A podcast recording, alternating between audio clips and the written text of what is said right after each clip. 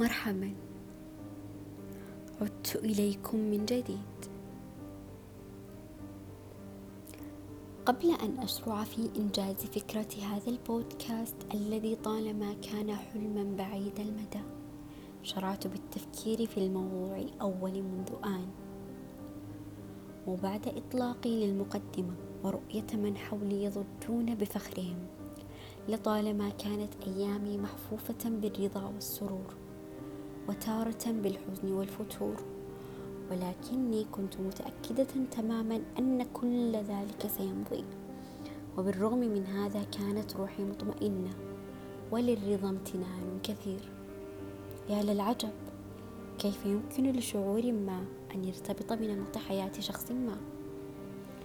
هل تساءلت يوما ما في حين أن أحدهم يبني نهضته وجد أحدهم نفسه يعيق بناءها دون أن يشعر آخذا بخطواته وراءها دون الحصول عليها. في حين أنه غارقا بالنعم أخذ بنفسه سارحا في نعم غيره. بات خائبا مهزوما في جميع معارك الحياة.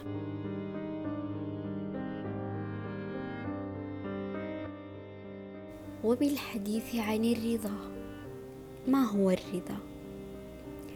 الرضا هو شعور ضئيل نشعر به ليطغى على حياتنا فيبنى به بيت سعيد ويرمم فيه قلب مكسور وتصد آذان عن كلام مفروغ وبالرضا يتجدد الأمل وتزداد النجاحات. الرضا هو الشعور الداخلي الجميل الذي يطغى على شغاف قلبك فتحلو لك الأيام. هو ذلك الشعور الذي يجعلك تخرج من تلك الغرفة الباردة تاركا تلك الوسادة الناعمة من أجل السعي وراء علم ما تحت أشعة الشمس. أن تترك طفلك زوجتك أهلك بكل حب ساعيا خلف رسالة في أواخر شهر ما.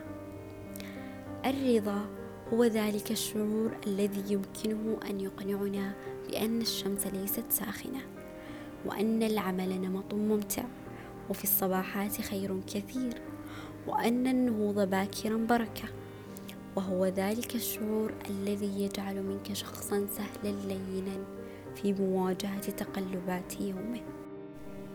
يقول مات هيك في كتاب الراحة لا يمكنك أن تصبح شخصا طيبا إذا آمنت بأنك شخص سيء وكذلك لا يمكنك أن تصل إلى الرضا إذا آمنت بنقصك بأن كل ما هو حولك ليس لك وحتى أن صعاب الأيام لن تمضي.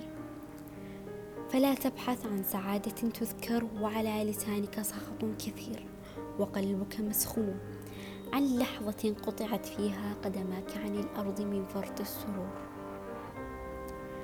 ارضى بما قسم لك اختر من ينهض بك واسعى خلف حلم بعيد.